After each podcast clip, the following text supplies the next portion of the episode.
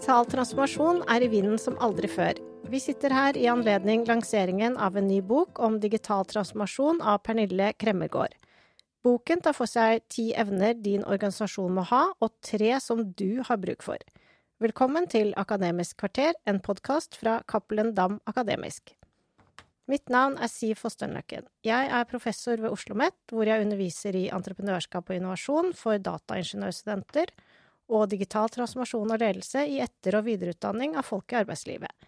Jeg sitter her med Pernille Kremmegård, som er forfatter, forsker, leder og gründer. Pernille, du har virkelig gjort mye. Kan du si noen ord om hvem du er? Ja, takk, og takk for invitasjonen til å delta. Eh, jeg har jo også en bakgrunn som professor, men fra danske universiteter. Og øh, så stoppet jeg i 2015 for at starte mit eget firma, og for mere hvis man siger fri mulighed for at udfolde min forskning, end jeg synes jeg havde på de etablerede universiteter. Øhm, så, og jeg har været forsker i 25 år, og har hele tiden beskæftiget mig med, hvordan organisationer skaber værdi med teknologi. Og der kan jeg jo se, at den teknologi, der i dag er til rådighed for organisationer, har en transformativ karakter. Så det er ikke længere nok at gøre det samme. Nu skal vi til at gøre noget andet, og gøre tingene på en anden måde. Men det har interesseret mig hele min karriere, det der med værdiskabelsen med teknologi. Og kvad den transformative karakter af teknologier, så synes jeg, der var behov for et rammeværk, der ligesom prøver at samle de forskellige elementer, som organisationer skal mestre, når de står og skal transformere deres organisationer digitalt. Og det er bogen sådan set et, synes jeg, et svar på, eller i hvert fald et forsøg på svar på. Ja, veldig spennende. Jeg har også et verdiskapingsperspektiv på dette her. Så måten jeg ser på digital transformasjon, er da å bruke teknologi og data for å skape verdi. Mm. Og verdiene kan jo Det trenger ikke å være økonomisk, det kan være kulturelt, det kan være altså på, på andre måter. Mm. Eh, så innledningsvis, la oss snakke litt mer om digital transformasjon, og hva det innebærer, eh, som du ser det i boken din. Altså i, i hvert fald i Danmark, og også det jeg kender til det norske marked, der har man jo talt om at bruge teknologi i mange, mange år i organisationer. Og man har også brugt nye IT-systemer, man har også brugt data. Øh, men, men, det man har gjort i mange år, når vi taler om digitalisering, det var at bruge det til det vi gjorde i forvejen. Altså gøre det vi gjorde, gøre det bedre, hurtigere, mere effektivt. Øh, det vi ser nu på teknologien, når vi kigger sådan lidt længere frem, og det jeg kalder, eller kalder at vi modnes digitalt, så begynder vi at bruge teknologi, digitale teknologier og data ind i vores produkter og services. Vi begynder at tænke i, hvordan kan vi lave nogle sammenhængende service til vores borgere eller vores kunder? Hvordan kan vi samarbejde med andre ind i det?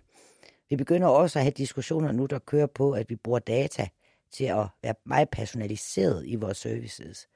Også gerne komme ud med services, som jeg kalder proaktive services. Til vores borgere vores kunder inden de overhovedet beder om det. Og hvis vi skal kunne levere på det som organisation, hvad enten du er offentlig eller privat, så skal du mestre noget. Så skal du arbejde på en anderledes måde. Så jeg plejer gerne at sige, at digitalisering handler om at gøre det, vi gør, gøre det bedre, og digital transformation handler om at gøre noget helt nyt. Og det er en ny måde at tænke strategi på, det er en ny måde at tænke organisering på, det er en måde, en anderledes rolle for teknologi og IT og data i organisationer, end vi har været vant til. Det er nye samarbejdsrelationer øh, og så videre. Og selvfølgelig også nye kompetencer for både topledere, ledere og medarbejdere. Og så plejer jeg også gerne at sige, at det er en rejse i generationer. Det er ikke sådan noget, vi bliver færdige med. Fordi lige nu så har vi teknologierne til at kan lave personaliserede services, hvis ellers vi har gode data til det. Men der kommer jo hele tiden nye teknologier, som også har en eller anden form for transformativ karakter, som bliver ved med at stille nye krav til organisationer. Så for mig der er digital transformation en rejse igennem generationer, hvor du skal være bevidst omkring, hvad er det vi har på gang i organisationen? Hvad vil vi gerne strategisk, og hvordan indretter vi så os øh, til det. Mm. Det er interessante perspektiver. Altså, det er øh, ja, Det deler jeg fullstendig. Digital transformasjon er jo det er et, en bred reise. Det innebærer veldig mye. Og eh, det å kunne mm, se ting eh, på en annen måte, og det å kunne se fremover, er ikke minst viktig. Så snakker du også en del om hva det betyr å være digitalt visjonær. Og hva tenker, du, hva tenker du at ledere skal gjøre da? Altså, det er jo en av de her 10 plus 3 evner, som kommer til uttrykk i bogen, eh, eller, eller som er i rammeværket, øh, som bogen øh, beskriver. Og, og det at være digital visionær for mig, det, det handler om, at for det første, at vi har en længere horisont på at tænke på vores virksomhed, end vi traditionelt har haft. Jeg siger 10 år. Man skal kigge 10 år frem. Og så er der jo mange, der ligesom tænker, jamen, det kan man jo ikke, når det handler om teknologi, fordi vi ved jo ikke, hvordan det teknologisk ser ud om 10 år. Og det er selvfølgelig også rigtigt. Men hvis ikke man begynder som organisation og ligesom kigge langt frem, så ender det med, at vi bare gør det, vi plejer at gøre. Og bruger teknologien til at understøtte. Gøre det, vi gør, gør det bedre, så at sige. Hvis vi virkelig skal tænke på, hvordan vi skal klare os i nogle helt andre digitale omgivelser, i nogle andre konkurrencemæssige landskaber, om man vil, øh, hvor der er fuldt med disruptioner, både af teknologisk karakter, men også af mange øh, andre karakterer. Nu har vi klimaet, vi har krigen i Ukraine lige nu, og så videre. Øh, men særligt i forhold til den teknologiske udvikling, så skal vi til at tænke længere frem og se, hvad er det egentlig, vi skal være gode til øh, om 10 år, og hvad er det, hvad skal man sige, vi særligt skal bidrage med, og hvordan ser vores forretningsmodel så ud. Og, og, og det kan jo selvfølgelig være svært at lave de scenarier, fordi hvor skal man starte henne? Ikke? Og der er scenarietænkning, som jeg jo ved, du har arbejdet en del med, øh, Sif. Øh, der kan det jo være øh, godt at, at bruge til det, men man kan også lade sig inspirere, hvad gør andre virksomheder egentlig? Altså, hvordan anvender de de digitale teknologier til at skabe værdi? Så det handler om horisont, det handler om inspiration, og så handler det om den sidste ting, som jeg synes er meget, meget vigtigt, øh, og som er helt centralt i mit arbejde, det er evnen til at rekonfigurere, kalder jeg det. Det er sådan set at lave omstruktureringer i sin organisation, således man har de rigtige strukturer, de rigtige kompetencer, de rigtige incitamentstrukturer til det, man gerne vil i en meget mere digitale omgivelser. Og det ser anderledes ud ofte, end det vi, allerede, det, vi gør i dag. Mm. Så, så, så det er en del, der for mig ligger i uh, digital visionær. Og så kan man sige, hvis man tænker langt frem og har de der langsigtede visioner, hvad så med vores strategier? De skal så typisk faktisk have en kortere horisont, end vi har været vant til, måske et halvt til et helt år, hvor vi hele tiden kan navigere i det, og så evnen til at omkonfigurere i overensstemmelse med, med de strategier. Ja, ikke sant. Og da må man jo også ha et syn på strategi som gjør at den kan være um, altså fremvoksende. Ja. At man ikke har en ferdig plan, men at man har en plan som man kan redigere og justere, og hele tiden være oppdatert i forhold til hva som skjer òg. Fordi det skjer så veldig mye på global basis som påvirker mm, en liten bedrift i Norge, ja. ikke sant? For et virus som på en måte oppsto i Kina, for eksempel. Altså sånne ting. For eksempel, ja. så, så det er mye. Uh, og jeg tenker dette her med å være digitalt visjonær, det handler jo også om at uh, lederne må jo ikke kunne alt det teknologiske to the point eller to the detail, men i hvert fall ha en forståelse av hva teknologi kan gjøre, mm. og hva man kan bidra med. Og det er jo en viktig kompetanse for en digitalt visjonær leder, da. Eh, så det er jo mye. Men samtidig så er det også viktig med dette her med samarbeid. Og lederen er jo ikke alene, og du skriver i boken din om økosystemtankesett. Og hva tenker du er viktig å vurdere i et sånt økosystem? Altså for mig handler det mye om, når vi kikker inn i fremtiden, at vi skal til å tenke annerledes om de samarbeidsrelasjoner vi har. Jeg tror mye på, at vi som organisationer, vi kanskje blir mindre, og vi blir sådan en, en kerne av medarbeidere der virkelig forstår organisationen og dens verdibidrag, kan man si. Altså den kerneopgaven for organisationen. Kender produkterne, kender markedet, kender hvad skal man sige, de rammer, der ligger omkring den, den, den pågældende virksomhed. Og så begynder vi at hive specialistkompetencer ind i, i meget højere grad, end vi er vant til. Det er en af de ting, I har tænkt vores egen organisation som et økosystem, og samarbejde på kryds og tværs. Øh, noget andet er så, når vi kigger på vores værdiskabelse. Altså hvis vi skal nå det om at lave sammenhængende services til kunder, til borgere, så skal vi samarbejde med andre, så kunden oplever, at de tjenester, for eksempel inden for socialområdet, øh, at de hænger sammen. Der får jeg hele pakken, om man vil, i, i den sammenhængende øh, serviceleverance. Og der skal vi arbejde sammen med andre på en anden måde. Vi, kan heller ikke, vi er heller ikke i en verden mere, hvor vi kan sidde og være i kontrol på vores værdikæde. Fordi kunden kan gå rigtig mange andre steder hen. Så hvis vi skal kunne fastholde kunden, og vi skal fastholde evnen, altså adgang til specialistkompetencer, adgang til at kan omkonfigurere hurtigt i vores organisation, så bliver det vigtigt, at vi samarbejder med andre på andre måder. Og så er meget tydeligt i, hvad er det selv, vi skal være rigtig gode til. Ja, og jeg tenker her er jo litt av verdien, sånn som jeg jobber jo med entreprenørskap og innovasjon, og verdien av å jobbe med raske tilbakemeldinger. Mm. Det å ha et økosystem som kan komme tilbake til deg, både eksternt og internt, med raske tilbakemeldinger på hvordan eh, prosessene har gått, og hva som fungerer og ikke. Så dette her med å være agil, og det som du skriver om også, å akseptere å være i betamodus hele tiden. Eh, hva tenker du, Kan du si litt mer om hva, hva det innebærer? Altså, jeg er veldig, veldig glad for det der med å være i konstant beta. Det er faktisk noe jeg har lånt fra den tidligere administrerende direktør i Lego. Han sagde, at nu er vi ikke, vi skal altid vende os til, at vi altid er beta. Fordi når ting er digitale, så bliver de jo aldrig sådan rigtig færdige. Altså et fysisk produkt bliver færdigt. Et digitalt produkt kan du blive ved med at udvikle på. Så det er den ene ting. Den anden er også, at vi skal kunne arbejde med, at, at et skud enough for now, om man vil. At vi tør gå ud med ting på markedet, netop for at få, som du også taler om, den her feedback. Er det det her, kunderne gerne vil? Og så kan vi bygge videre på det, eller var det her fejl, og så må vi lave om, og sådan noget. At vi har sådan en ting om, at vi altid er i udvikling. Og vi også tør at gå ud med noget, uden det er helt færdigt.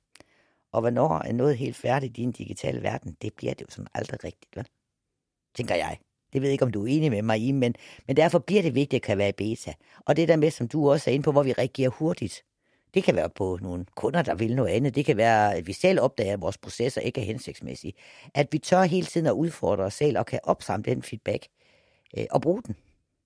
Ja, absolut. Jeg er helt enig. Det er veldig vigtigt at få feedback fra kundene tidlig, for uh, hvis du da har laget ferdig noe som ingen vil kjøpe, så er jo det uh, Ja, litt waste av ressurser, for å si det sånn. Helt enig. Så, så, det, så det er kjempeviktig. Og eh, mange bedrifter gjør jo det, de er jo flinke på å gjøre det, men man jeg tenker òg at det fortsatt så er det en vei å gå på å virkelig ta kundene med inn mm i tidlig fase også, og tørre å gjøre det. Mm. Hvor kanskje ting eh, gjerne vil hemmeligholdes eh, litt lenger, og man vil ikke gå ut og vise noe som fortsatt eh, ikke er bra. Og der er det jo mange små oppstartsselskaper som jobber veldig bra, mm. synes jeg, med at de tidlig involverer og viser frem hva de har tenkt, og tester det ut og får tilbakemelding og gjør de itereringene som er nødvendig for å få et enda bedre produkt på kort tid. Ja, og, og der kan man sige, jeg, jeg har den holdning, som også kommer til udtryk i min bog, at det der med, en, øh, hvad giver der en konkurrencemæssig fordel som organisation? Øh, der tror jeg meget på, at det, der giver os det i fremtiden, det er faktisk evnen til at kan reagere hurtigt, og evnen til at omkonfigurere. Fordi det kan du ikke kopiere. Det er en organisatorisk kapabilitet, som er vigtig for os at have. Og hvis du har den, så kan du altid tilpasse dig markedet. Og hvis du ikke har den, så kan du ikke tilpasse dig markedet, selvom du kender dine konkurrenter. Jeg plejer gerne at sige, når folk spørger mig, hvem er dine konkurrenter, Pernille, så siger jeg, det er jeg ikke så optaget af. Jeg er meget mere optaget af mine slutkunder. Jeg vil meget hellere lave noget til mine slutkunder, og så er det min opgave som, nu er jeg så også direktør i mit eget selskab, at sørge for, at min organisation, også den organisation, vi har her i Norge, Digitaliseringsinstituttet, at vi hele tiden kan passe, tilpasse os det, som markedet efterspørger. Altså vores slutkunder. Mm. Så at sige ikke, at vi tilpasser os det, og, og, og evnen til, kan, du, kan det, det tror jeg på, det er det, der øh, organisationer vinder på et langt løb. Ja, og da er vi jo over uh, i, um, i et annet viktig faktor her også, dette her med orkestrering. Altså, du snakker jo om IT-orkestrering, men det er jo ikke bare teknologi og IT. Så jeg tenker, hvordan øh, skal bedrifter få til denne orkestreringen? Har du noen tips å komme med? Altså nu taler jeg jo om IT-orkestrering, og det kunne jeg faktisk godt tænke mig, hvis jeg lige må kommentere på den, fordi det synes jeg faktisk er noget af det, som jeg er glad for i min egen bog, og synes er godt.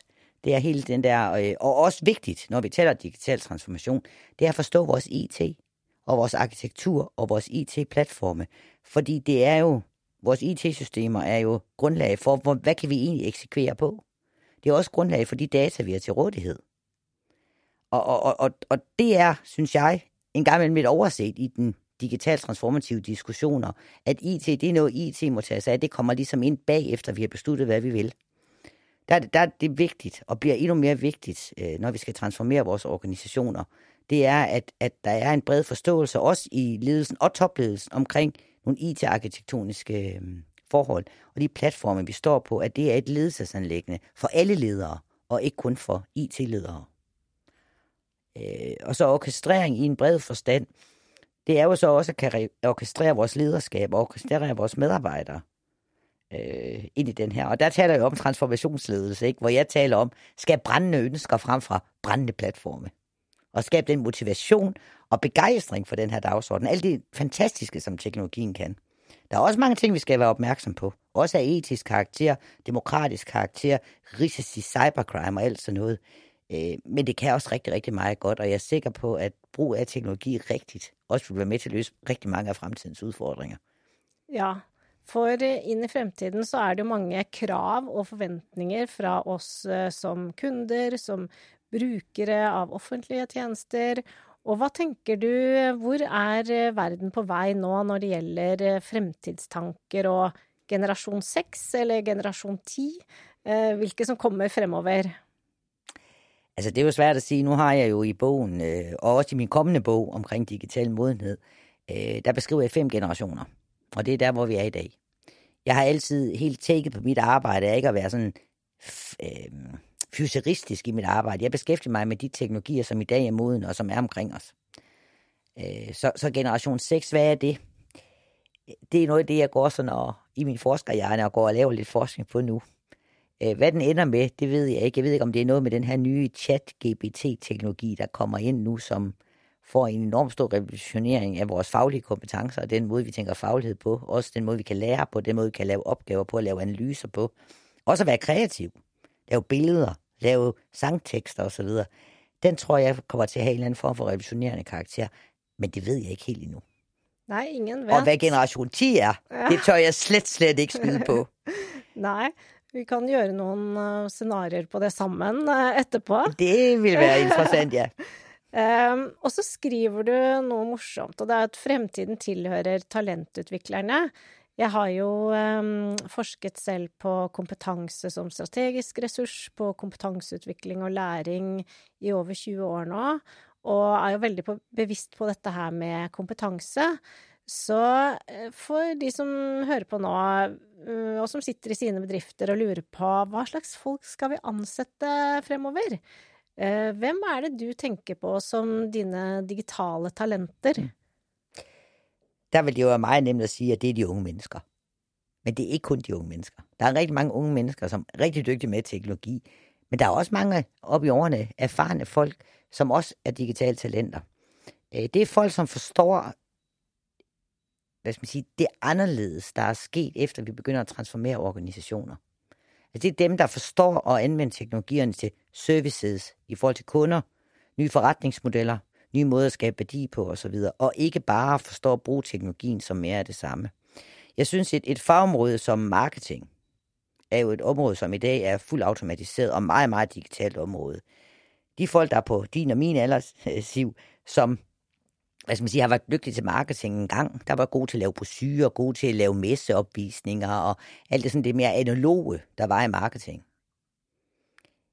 Øh, selvfølgelig tager man stadigvæk på messer, men hvis ikke man forstår sociale medier i dag, forstår SEO-optimering, forstår at kommunikere i sociale medier, forstår, hvad værdien er af digital kommunikation i det hele taget, forstår automatisering af, af hele, hvad man sige, alle salg- og marketingsprocesser, så, kan man, så er man i hvert fald ikke talent i dag, uanset hvor dygtig man har været i den analoge verden. Og jeg synes, det er et eksempel, hvor jeg også har set mange omkring mig, også i mit private liv, øh, være udfordret. Mm. Vi har jo begge bakgrunn som øh, professor på universitet, så jeg tenker litt hvad øh, Hva tenker du, hva, øh, hva blir universitetenes oppdrag og rolle nå fremover? Og hva slags tematikk og metoder bør inn i undervisningen for å møte slike fremtidige digitale behov som vi står overfor? Mm. Det er et godt spørsmål, og det har jeg to svar på. Den ene det er, hvis vi kigger på, på de, øh, de uddannelser, der allerede er, så er for mig er digitalisering jo ikke noget ved siden af. Altså, det er jo ikke sådan, at når man læser jura, så har man fag i digitalisering. Fordi, hvad er det? Øh, jeg tror, mig, altså for mig er, at de kompetencer, vi skal have ind på alle uddannelser, som ligger som et, et, et grundlæggende fundament for alt det, der bliver undervist i. Jeg er meget svært ved at se ret mange områder i dag, som ikke har noget med teknologi og digitalisering at gøre. I praksis i hvert fald. Noget andet er en teori, man kan læse omkring det, hvor teknologi det sådan er parkeret nede i et hjørne, ikke? det skal mere frem og mere hvad skal man sige, tydeligt ind på alle uddannelser, ind på alle curriculum, om man vil.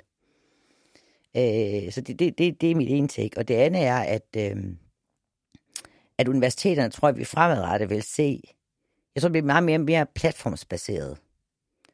Øh, hvor man kommer til at samarbejde med andre universiteter om det, de er særlig gode til. Så at, øh, fordi man, man kan sige i dag, hvis du bliver undervist, lad os tage på statskundskab. Øh, eller jeg kan også give et enkelt eksempel fra min egen verden, dengang jeg selv var, var professor og underviste de unge mennesker på universiteterne. Der skulle jeg undervise i institutionel teori. Det er jeg ikke ekspert i. Jeg kunne godt læse det op, og jeg kunne godt lave et eller andet, så tænkte jeg, nej, det bliver simpelthen ikke rigtig godt det her. Jeg kigger lige på YouTube, hvad der er. Så fandt jeg en af ham, der har skrevet en masse lærebøger. Han havde sådan nogle TED-talks og nogle videoer, han selv har lagt op. Ikke? Så, så gav jeg bare den i stedet for selv at sige noget. Så stod jeg og kiggede på de studerende imens og tænkte, hvordan reagerer de på det her? Og så spurgte jeg dem bagefter, hvad tænker I? Det var enormt spændende at høre ham, siger de så. Og jeg, jeg havde sådan to, at de reagerede i forhold til mig, at jeg var lidt doven. Det var ikke, de var super happy, ikke? Så, så øh, og, og grund til, at jeg nævner det der, der er ingen som helst grund til, at vi står og underviser noget, vi er halvgode til. Når der findes en i verden, der er super god til det. Så hvordan kan vi trække alt det der ind i vores undervisning? I stedet for at tro, at vi skal gøre alting selv. Så kan jeg undervise det, jeg er aller, aller bedst til. Jeg kan undervise i min egen bog, du kan undervise i din egen forskning. Og så trækker vi andre ind. Og hvis du ikke reagerer det op på programniveau på universiteterne, så kan se, så tager man et fag på et eller andet universitet, som er digitalt, eller man måske rejser ud og tager et, et enkelt fysisk fremmøde i Shanghai, eller det var måske et dårligt eksempel lige nu, men så i Melbourne, ikke? Og så har man andre fag på Oslo Met. Og så tror jeg, at vores rolle som undervisere, det er, at vi, vi bliver højt specialiseret og kan undervise det, vi er bedst til. Og så tror jeg, vi får en kæmpe stor rolle i at være facilitator for læring. Mm. Læringsfacilitatorer, hvor de selv hælder elementer ned. Der kan man sige, skal universiteterne så finde ud af, hvem der skal samarbejde med, eller skal vi arbejde med en mere sådan åben platform for de studerende? Det vil alle andre beslutte mig. ja, vi er absolutt eh, øh, læringsfasilitatorer, og universitetene må også følge med i, i timen her og utvikle sin øh, undervisning øh, deretter. Og dette her med studentaktiv undervisning er jo også veldig viktig å få til nå fremover, i, også i møte med digital transformasjon. Så det var det vi hadde for nå, så tusen takk. Det var veldig interessant å høre deg utdype fra boken din, og for dere som har lyst til å eh, forstå enda mer om digital transformasjon, så kan dere jo lese boken til Pernille, og vi burde kanskje gjøre noe sammen også i fremtiden. Så det får vi snakke om. Eh, ja, tusen takk for oss. Dere har nå hørt en episode av Akademisk kvarter, en podkast av Cappelen Dam Akademisk. Boken Digital transformasjon ti evner din organisasjon må ha, og tre som du har bruk for, er tilgjengelig på nett.